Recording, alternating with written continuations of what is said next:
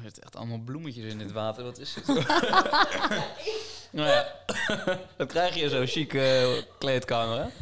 Luisteraar denkt ook, waar gaat het over? Vanuit Koffiecode Podcast is dit de serie Arts of Toch Niet. In deze serie gaan wij op zoek naar de verhalen van mensen die met hun geneeskundediploma op zak toch een andere weg zijn ingeslagen. Want wat doe je als je andere talenten hebt die je wil ontwikkelen? Of als je erachter komt dat arts zijn toch helemaal niks voor jou is? Dit is Arts of Toch Niet. Welkom bij de allereerste aflevering van Arts of Toch Niet. Wij zijn Tessa. en Doris en vandaag interviewen wij vanuit zijn kleedkamer Victor Middelkoop. Arts niet praktiserend en illusionist. Victor, ik heb, ehm, ik heb heel even een mindfuck. Zit jij hier nou als Victor Mits of als Victor Middelkoop? Goeie vraag. Ik zit hier ehm, als eh, Victor Middelkoop. Ja, want eh, ik, eh, we zijn hier in de kleedkamer. Ik ga straks optreden. Ehm, en eigenlijk pas op het moment dat ik, dat ik het podium oploop, dan verander ik als het ware in Victor Mits. Wat niet eens zozeer is dat ik echt een hele. ja, dat ik helemaal van karakter verander. Eigenlijk is Victor Mits als de artiest ehm, meer een soort van uitvergroting van, van mezelf. Maar nu ben ik 100% Victor Middelkoop voor jullie. Tenzij je het anders wilt. We gaan helemaal akkoord. Ehm, op dit moment bevinden wij ons dus in jouw kleedkamer. Eh, voor ons wel even wat anders dan we gewend zijn. Wij komen normaal in het ziekenhuis bij artsen.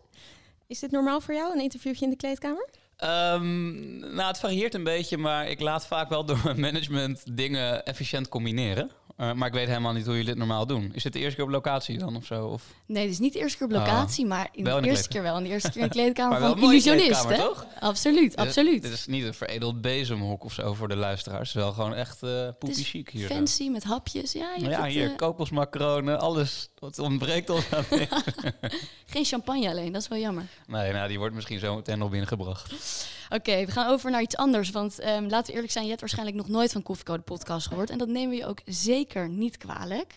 Maar we beginnen ehm, vaak toch met de eerste vraag. En dat is de koffievraag. Dus hoe drink jij je koffie? Zwart. Zwart. Ja, en, en dat is grappig genoeg eigenlijk wel ehm, eh, veranderd tijdens mijn kooschappen. En dat vertel ik ook heel vaak, eh, aan, of heel vaak, maar ik vertel dus aan mensen dat, dat ik vroeger eigenlijk altijd met suiker eh, dronk. Maar tijdens, in het ziekenhuis ging ik zoveel koffie drinken, maar dat zullen jullie vast wel herkennen. Dat ik op een gegeven moment, ja, ik weet niet hoe oud ik was, op, op een gegeven moment na een paar jaar dacht ik, wacht even, als ik nu gewoon besluit om nooit meer suiker in mijn koffie te doen, dan gaat het, laten we zeggen, in, in tientallen jaren gaat het zoveel schepjes suiker schelen. Toen- Miljoenen calorieën heb jij bespaard. ja, doordat, doordat, maar laat me zeggen, alleen die gedachte, dat ik gewoon op dat moment even realiseerde. Ik zie mezelf zelfs nog voor die, voor die automaat staan. Dat ik da- gewoon die gedachte, als ik het nu voor nooit meer doe, dan voel ik gewoon op dit moment dat het substantieel effect gaat hebben in de toekomst. En dat heeft mij, die ene gedachte heeft ervoor gezorgd dat ik nooit meer suiker in mijn koffie heb gedaan. En wat kilo's. eh, Ja, en ja, dat kan je zien, toch? ja, precies. Ja. precies. Maar dat komt er door die kokosmacronen wel weer aan, helaas. Koffie en kooschappen. Nou, je, je noemt het eigenlijk zelf al. Voor ons ligt dat heel dicht bij elkaar. En ook jij bent ooit co-assistent geweest. Mhm. Hoe was Victor Middelkoop als co-assistent? Ehm, ik, was, eh, ik was denk ik heel erg zoekende met, eh, met- naar, naar mijn plekje. Ik, had heel, ik heb in Rotterdam eh, gestudeerd. Later in Leiden heb ik het afgemaakt, maar ik ben in, aan het Erasmus begonnen via decentrale selectie. En ik had, dat, ik had de eerste jaren had ik, had ik best wel het gevoel eh, dat, dat heel veel mensen eh, om me heen, eh, medestudenten, wisten wat ze wilden. En dat ik het echt nog helemaal niet wist. Maar achteraf als je, hoor je dan ook wel eens dat heel veel co-assistenten eigenlijk, of nou überhaupt gewoon geneeskundestudenten, dat dat probleem hebben of dat gevoel. Want je hebt altijd gewoon een paar van die uitschieters die echt op dag één zetten. Oh, weet je niet wat een differentiaal diagnose is? Je kan nog dit en dat. En ik word later dit, want mijn ouders zijn dit. Dat je denkt, oh, wacht even, ik, ik, loop, eh, ik loop vijf eh niveautjes achter. Maar op de een of andere manier zijn er, nou ja, wat, wat onder andere natuurlijk jullie initiatief ook eh, onderstreept, zijn er toch wel heel veel geneeskundestudenten niet 1, 2, 3 weten wat ze, wat ze willen. Maar je was dus een twijfelende co-assistent. Ja, Je wist het niet zo goed. Nee, nee, ik wist het eigenlijk helemaal niet. Het was echt voor mij. eh, ik, had, ik, ik stapte niet de geneeskunde in met het idee. eh, Ik ga dit worden en dit, dit, eh, dit, dit is het plan. Nee. Maar je stapte er wel in met het idee, ik ga arts worden. Mhm. Waar kwam die motivatie vandaan om arts te worden? Nou, ik, ik was ehm, mijn, oudste, mijn oudere, ik heb een oudere zus die is eh, psychologie eh, gaan studeren. Dat vond ik ook heel interessant. Mm, en toen in gesprekken met mijn ouders eh, eh, ging, het, ging, ging het een beetje over geneeskunde. En toen was het ook wel van mijn vader die zei van ja, bij geneeskunde komt eigenlijk ook wel heel veel van de psyche kijken. Alleen op een indirecte manier. Dus een soort van, nou ja, psychologie plus. Het is gewoon eigenlijk nog, nog meer, nog interessanter dan psychologie. Dus als je dat interessant vindt en je kan het, dan, dan zou ik daarvoor gaan. En dat, dat soort gesprekken hebben er wel een beetje toe geleid dat, dat, dat ik mijn keuze maakte voor eh, geneeskunde. En wat vond je van de studie? Want je was twijfelend, maar viel mee, viel tegen. Hoe ging jij daar doorheen? Ja, ik, ik vind het sowieso was het een hele leuke tijd. Maar het was heel, heel afwisselend. In het begin vond ik het sowieso ook wel even lastig, weet ik nog. Echt inhoudelijk. Dat mijn, mijn eerste jaar met je uh, binnenstudieadvies.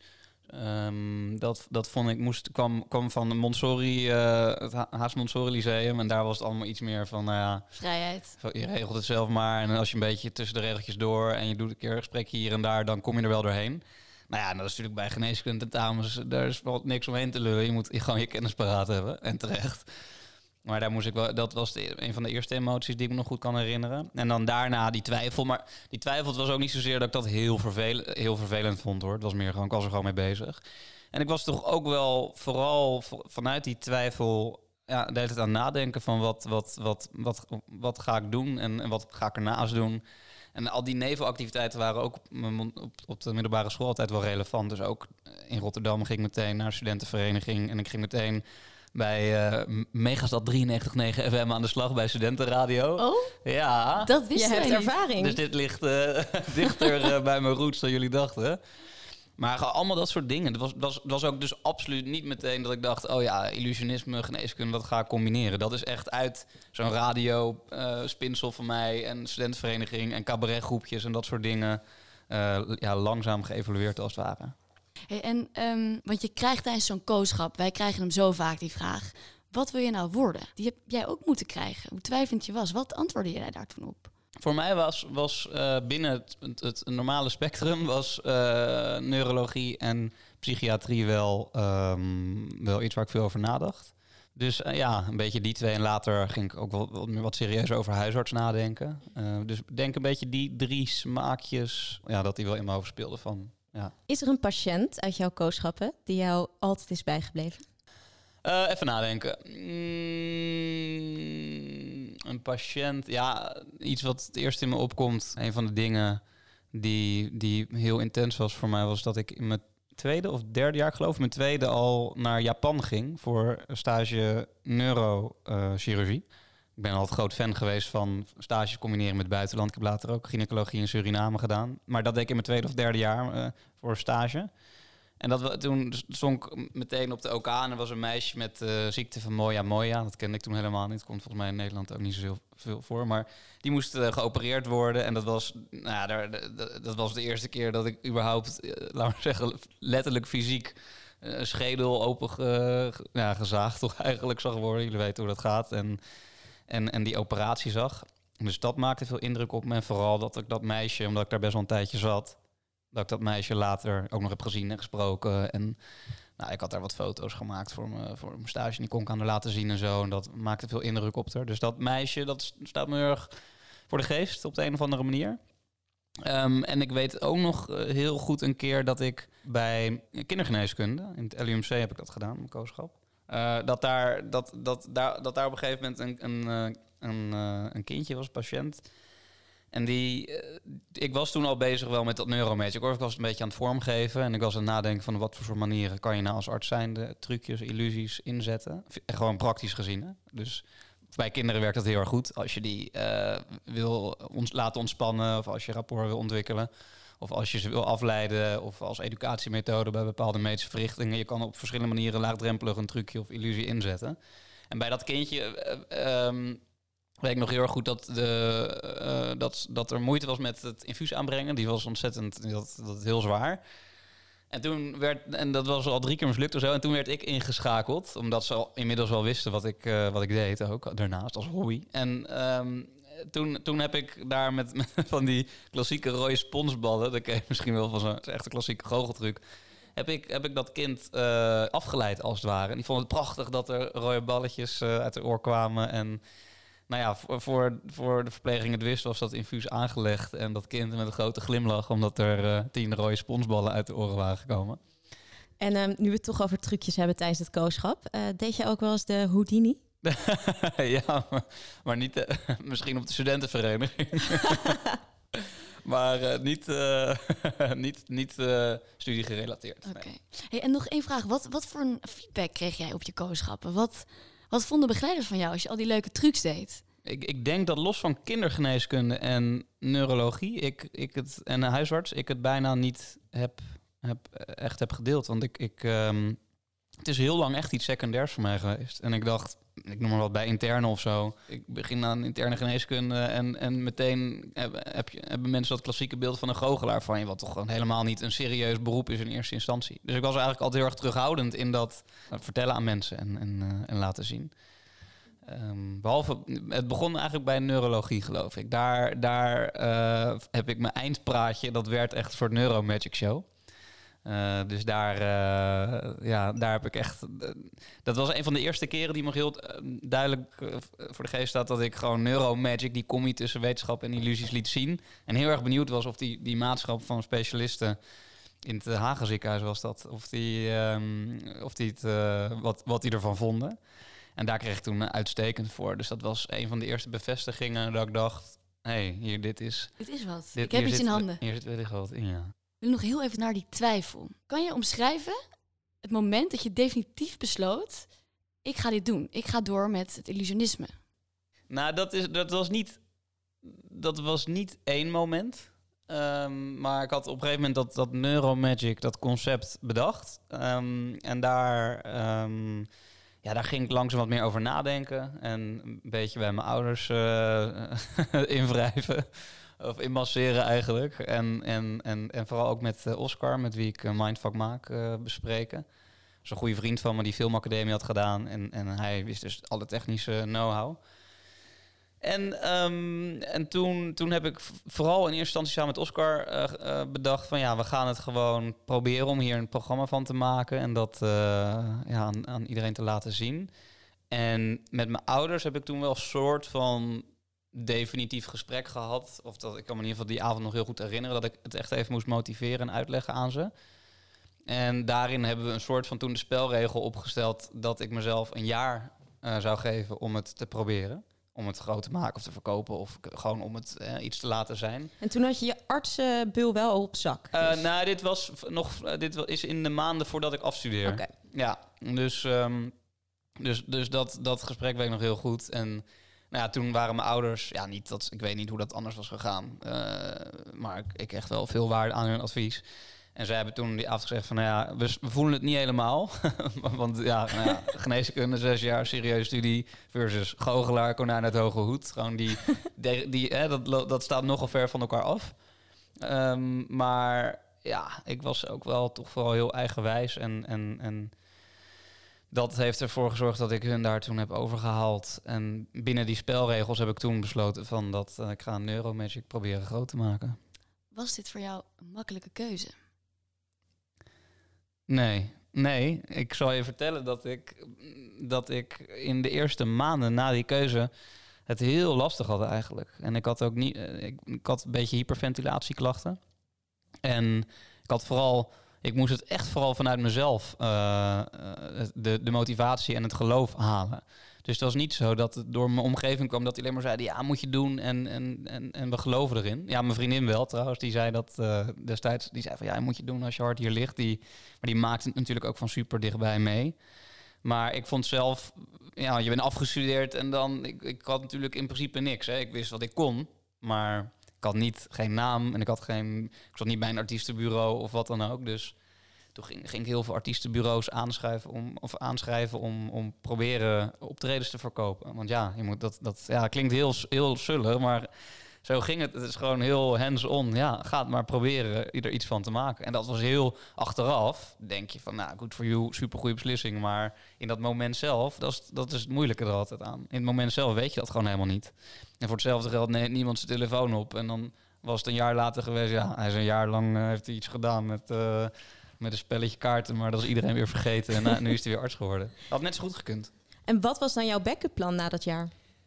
Ja, dat weet, dat weet ik niet. Maar één binnen, eh, waarschijnlijk iets van een huisarts of ergens sowieso gaan aanjossen. Ja, misschien wel bij neurologie. Ik weet het niet precies eigenlijk. Zoals je zegt, het is best een gedurfde keuze. En ook wel iets wat ook dus invloed op jou heeft gehad. Wat niet altijd makkelijk is geweest.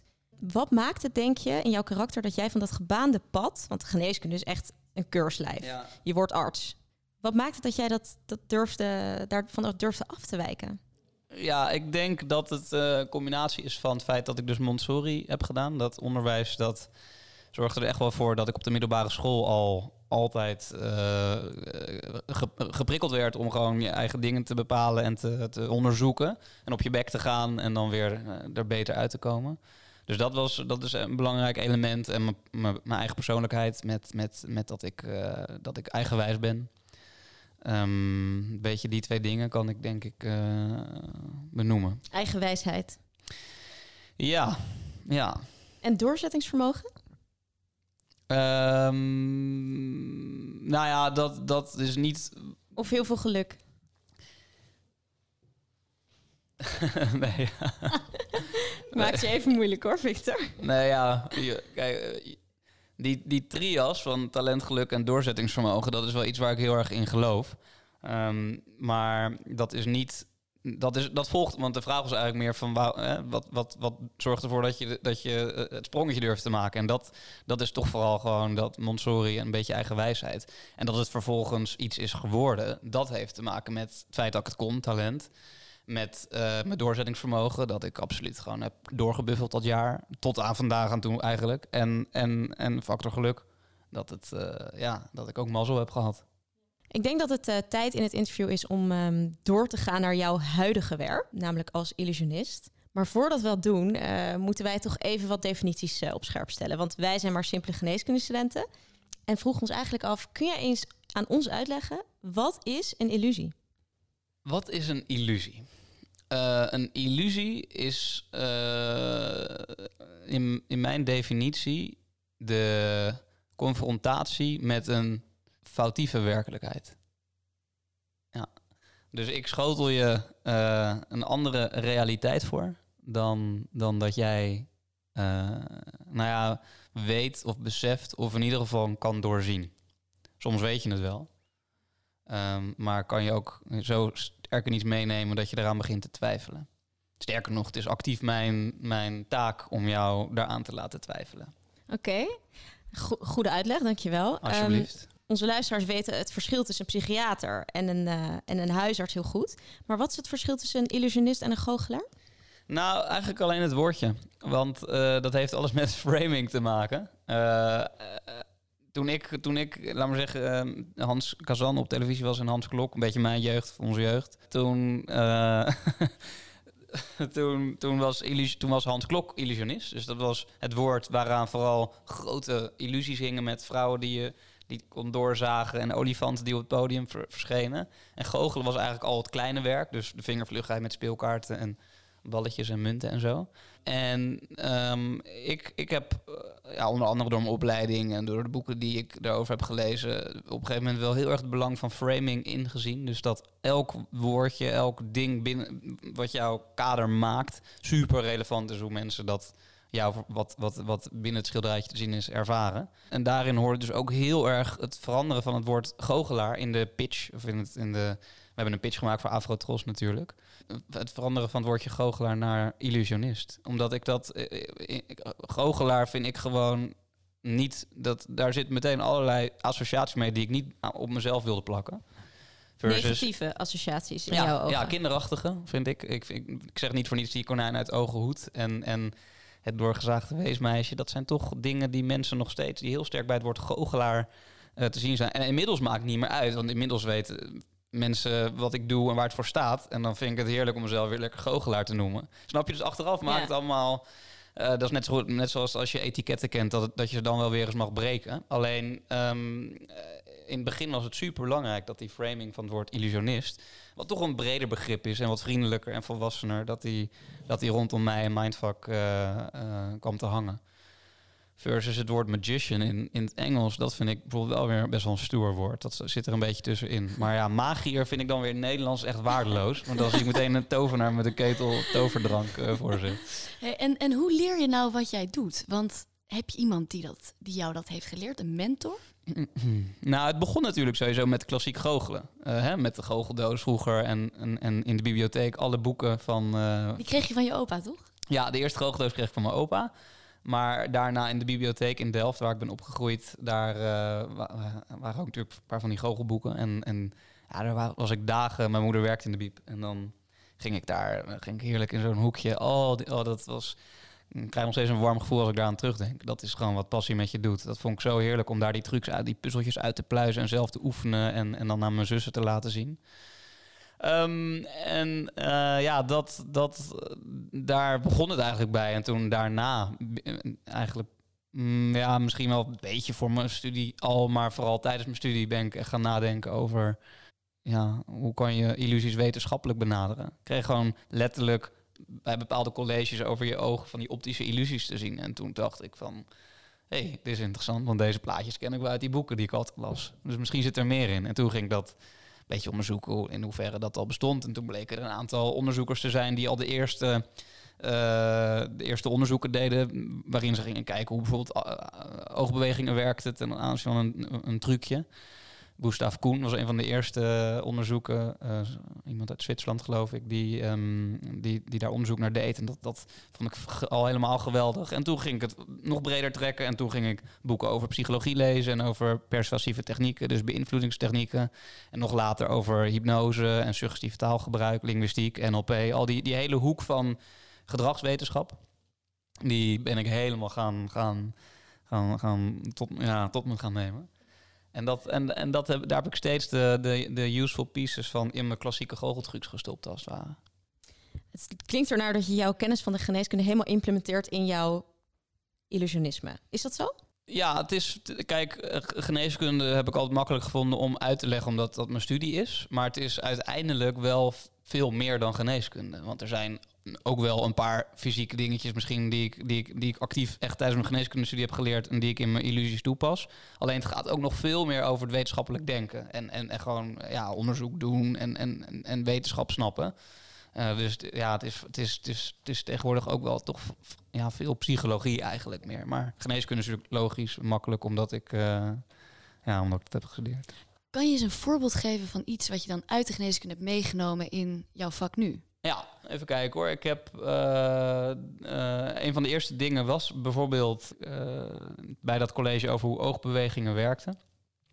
dat, ik, dat ik überhaupt ging nadenken over. Ik, ik leer dus tijdens mijn studie leer ik van oké, je hebt oogbewegingen en je hebt vloeiende oogbewegingen en saccades. En toen dacht ik van, hé, hey, die, die saccadische oogbeweging, hoe zit dat precies? Kan je eigenlijk wel waarnemen tijdens zo'n, tijdens zo'n saccade?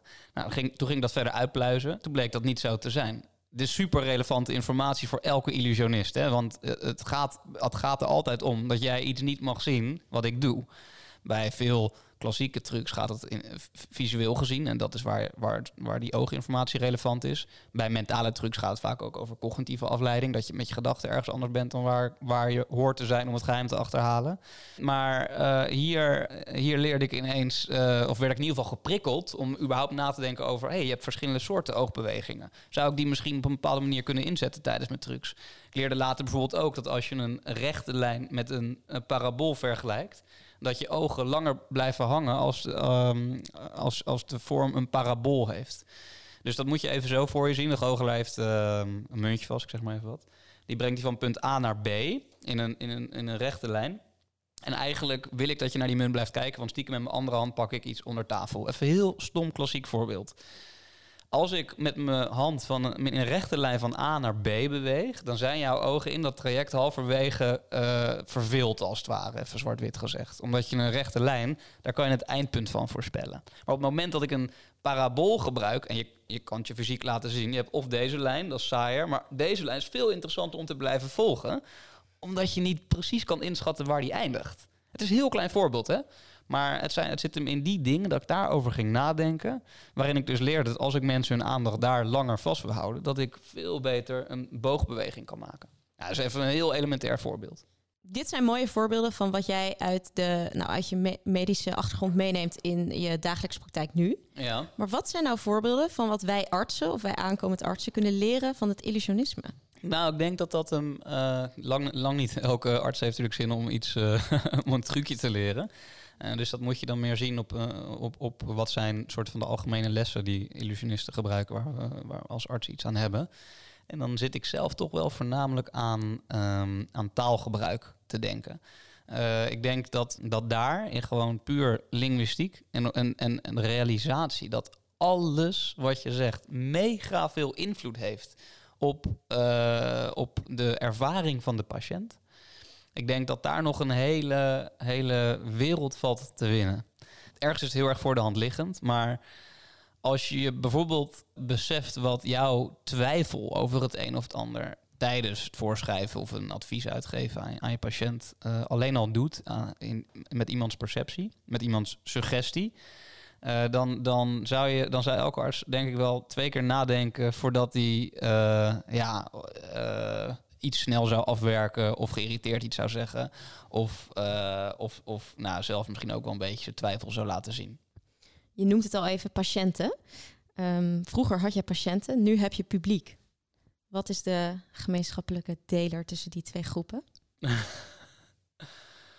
Ehm, dat, dat, kijk, mijn publiek, ik vind het nog steeds wel heel erg leuk om met Mindfuck eh, te laten, eh, een soort van secundair te laten zien wat we kunnen leren van illusies. Dus ik doe het niet alleen omdat het voor mezelf nuttig is, maar ik zie er ook wel een soort van mooie taak in dat ik aan, aan 2 miljoen mensen elke zaterdagavond eh, mag laten zien hoe je geheugen werkt en hoe afleiding werkt en een kleine inzicht over hun gedrag kan meegeven. Dus in die zin ligt er wel een kleine parallel, denk ik, dat, dat, ik, dat die educatieve component die ik met zo'n entertainmentprogramma naar Nederland toe kan laten zien, daar zit ook uh, iets, van waarde in. Kan je misschien een beetje die vergelijking trekken. Maar ik ben eigenlijk totaal niet bezig met mijn publiek als een, een patiëntvorm of zo. Het is voor de rest ook wel vooral heel veel entertainment gewoon hoor. Is dat echt waar je heel gelukkig van wordt, van de entertainment? Ja, nou, niet zozeer van de entertainment, maar wel, ik word gelukkig van het feit dat ik, dat ik mag doen waar je mij midden in de nacht voor wakker kan maken. En dat, uh, dat is natuurlijk. Ik had echt niet verwacht dat dat, dat, uh, dat, dat hier zou eindigen. Dat is natuurlijk echt bizar geëxplodeerd. Maar daar, daar ben ik nu, nu dat is gelukt, wel uh, het meest dankbaar voor. Ja. Zou, er, zou jij ook wakker gemaakt mogen worden voor een patiënt midden in de nacht? Um, nou, minder, denk ik, uiteindelijk. Tenminste, de vraag hè, gaat, gaat erover, zijn die twee passies even groot? Dat bedoel je. En, en ik denk dat, dat illusionisme, dat dat toch een grotere passie is uiteindelijk. Maar ja, het is over niet helemaal zwart-wit. Want ergens, vooral de relevantie. Uh, uh, geneeskunde is natuurlijk een hyper-relevant, mooi beroep. Kijk maar wat, hoe, hè, hoe dat zich helemaal ontvouwde de laatste maanden. Um, dus dus dat, dat is het enige wat ik, wat ik nu nog mis. Maar wellicht dat ik, uh, ja, dat ik ooit nog wel wat meer van mijn illusionistenkennis in de geneeskunde kan implementeren. Kan de wereld rekenen op de terugkeer van uh, dokter Middelkoop ooit? nou, zeg nooit nooit. Ik hou, het, uh, ik hou dat een beetje in het midden. Ik, er, er, spelen wel wat interessante dingen, maar uh, ja, een, een, uh, ja, ik ben natuurlijk gewend als illusionist om een geheime vormen te houden. Tipje van de sluier?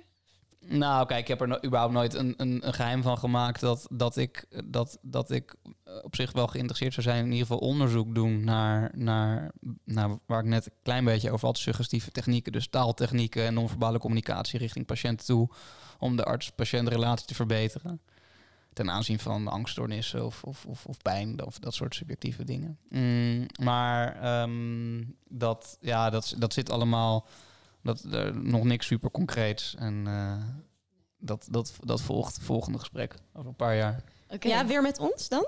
Dat ja hoor, gezellig. gezellig. Mis jij het nou wel eens om, om arts te zijn? Is dat nog iets waar je wel eens over nadenkt? Uh, ja, ergens wel, ja. ja, ja. Maar dat, ja, er zit ook maar gewoon... Uh, zeven dagen in een week bij mij. Het is, uh, je hebt geen idee wat er allemaal bij komt kijken als zo'n soort televisieprogramma met alles eromheen. Uh, als dat ineens uh, ja, in je leven komt. Dat is, dat is echt heel erg druk op de manier hoe, hoe wij het doen. Je zegt eigenlijk, ik heb geen tijd om het te missen. Nou, ik heb, ik, ik, heb, ik heb nog wel wat tijd om het te missen. dat wel. Maar ik heb gewoon geen tijd om het, om het daarnaast te doen. Het is, daar is het ook te serieus vak voor. Ik zou zeker wel een halve dag in de week nu uit kunnen ruimen. Maar, eh, of in kunnen, hoe zeg je dat? Kunnen schedulen. Alleen dat, dat alsnog zou ik dan...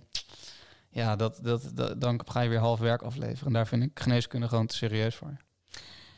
Een persoonlijke vraag, Victor. Oh jee. Ja, in het eh, illusionisme is natuurlijk niets wat het lijkt. Is dat in jouw privéleven ook het geval? Waar doe je op? Geen idee. Wij hoopten hiermee toch even een eh geheimpje van jou te kunnen ontdekken. Wie is Victor Mits in het privéleven?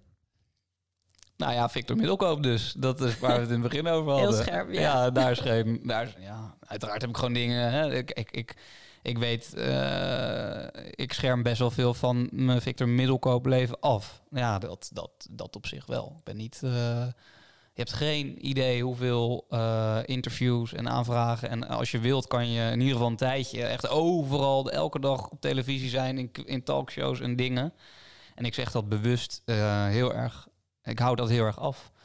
Ehm, omdat, eh, ja, ik, ik, heb daar helemaal, ik heb daar niet zo ontzettend veel behoefte aan. Ik vind vooral, ik ben dit ook, ik ben het niet gaan doen om heel veel van mijn privéleven te laten zien. Ik ben het gaan doen vanwege mijn passie. En, en alles wat daaruit voorkomt, daar praat ik, zoals jullie merken, met liefde over.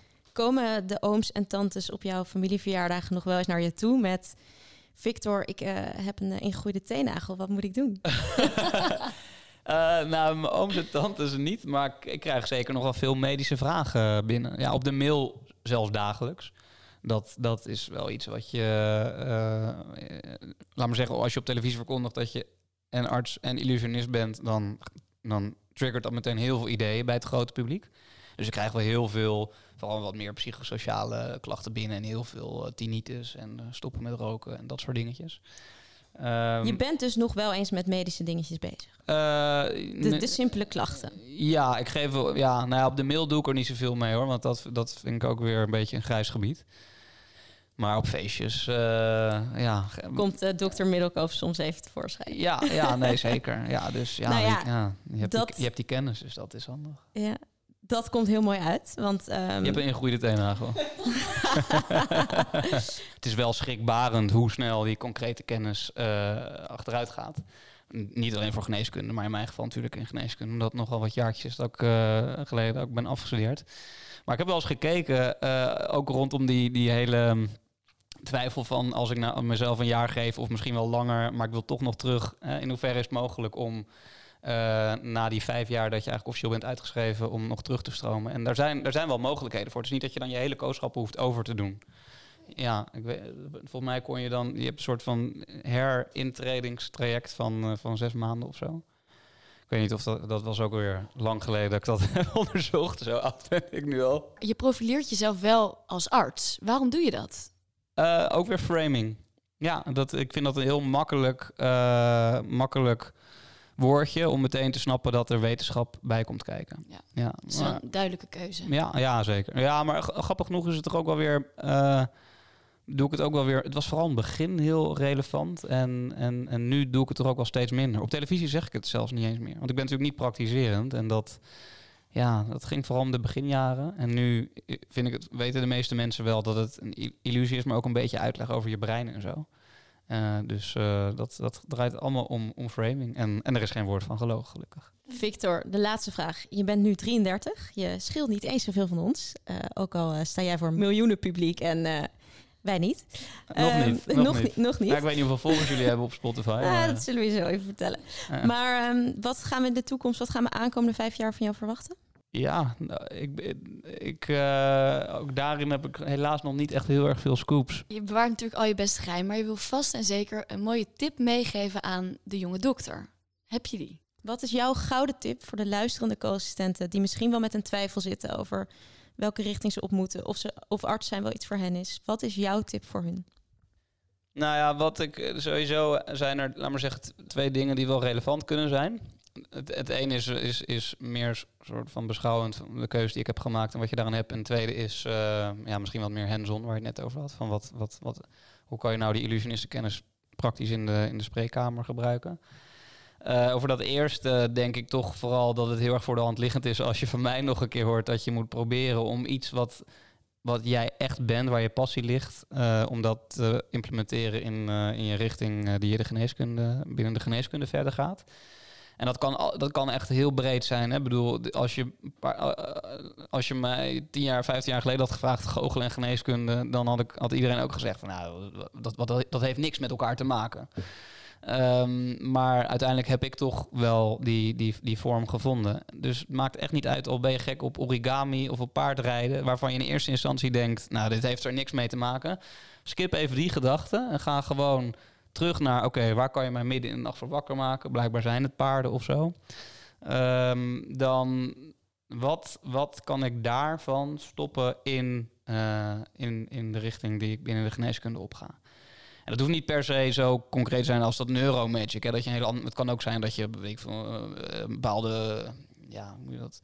Met, met paarden weet ik het misschien ook niet zo goed. Of dat je, dat je een bepaalde subdoelgroep opzoekt die daar veel mee heeft. Of dat je toch meer richting dierengeneeskunde of whatever. Maar in ieder geval, eh, dit, dit is een beetje gekakel. Omdat het per, het, kost gewoon heel veel tijd om die gedachten vervolgens te ontwikkelen. Dus ik heb daar dan geen, geen, ik weet niet hoe dat zou eindigen in elke gedachte. Maar probeer het in ieder geval. Laat je niet te snel binnen wat jij echt bent eh, remmen door, door dat buiten geneeskunde te houden. Omdat je denkt dat dat niks met elkaar te maken heeft.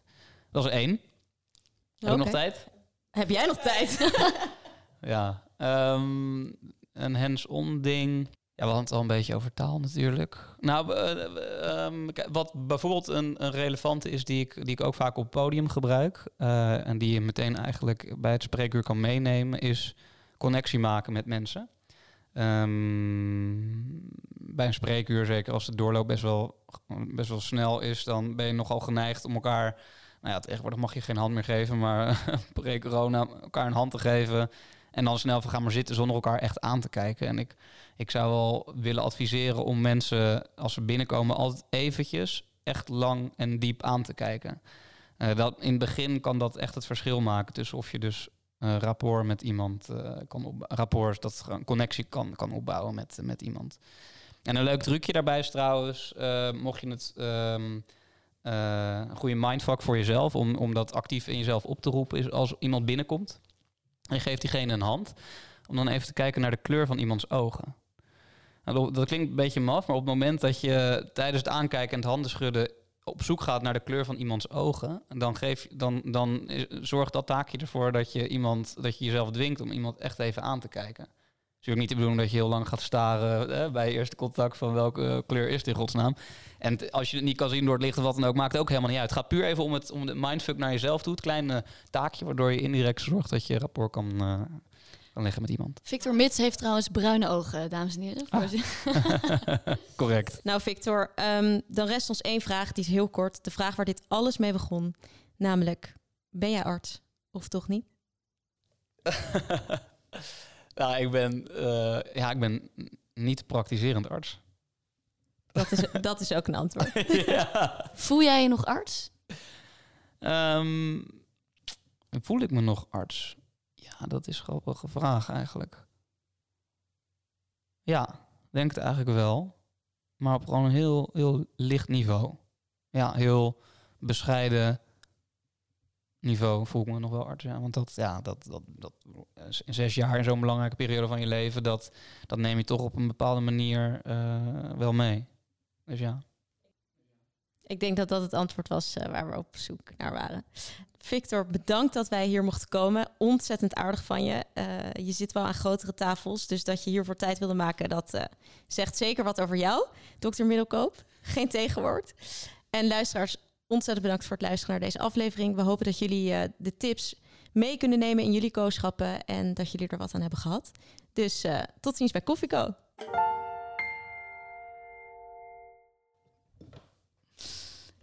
Jeetje, wat goed. Leuk. Dankjewel. Zo. Professionele bende zijn jullie. Leuk, gezellig. Ja.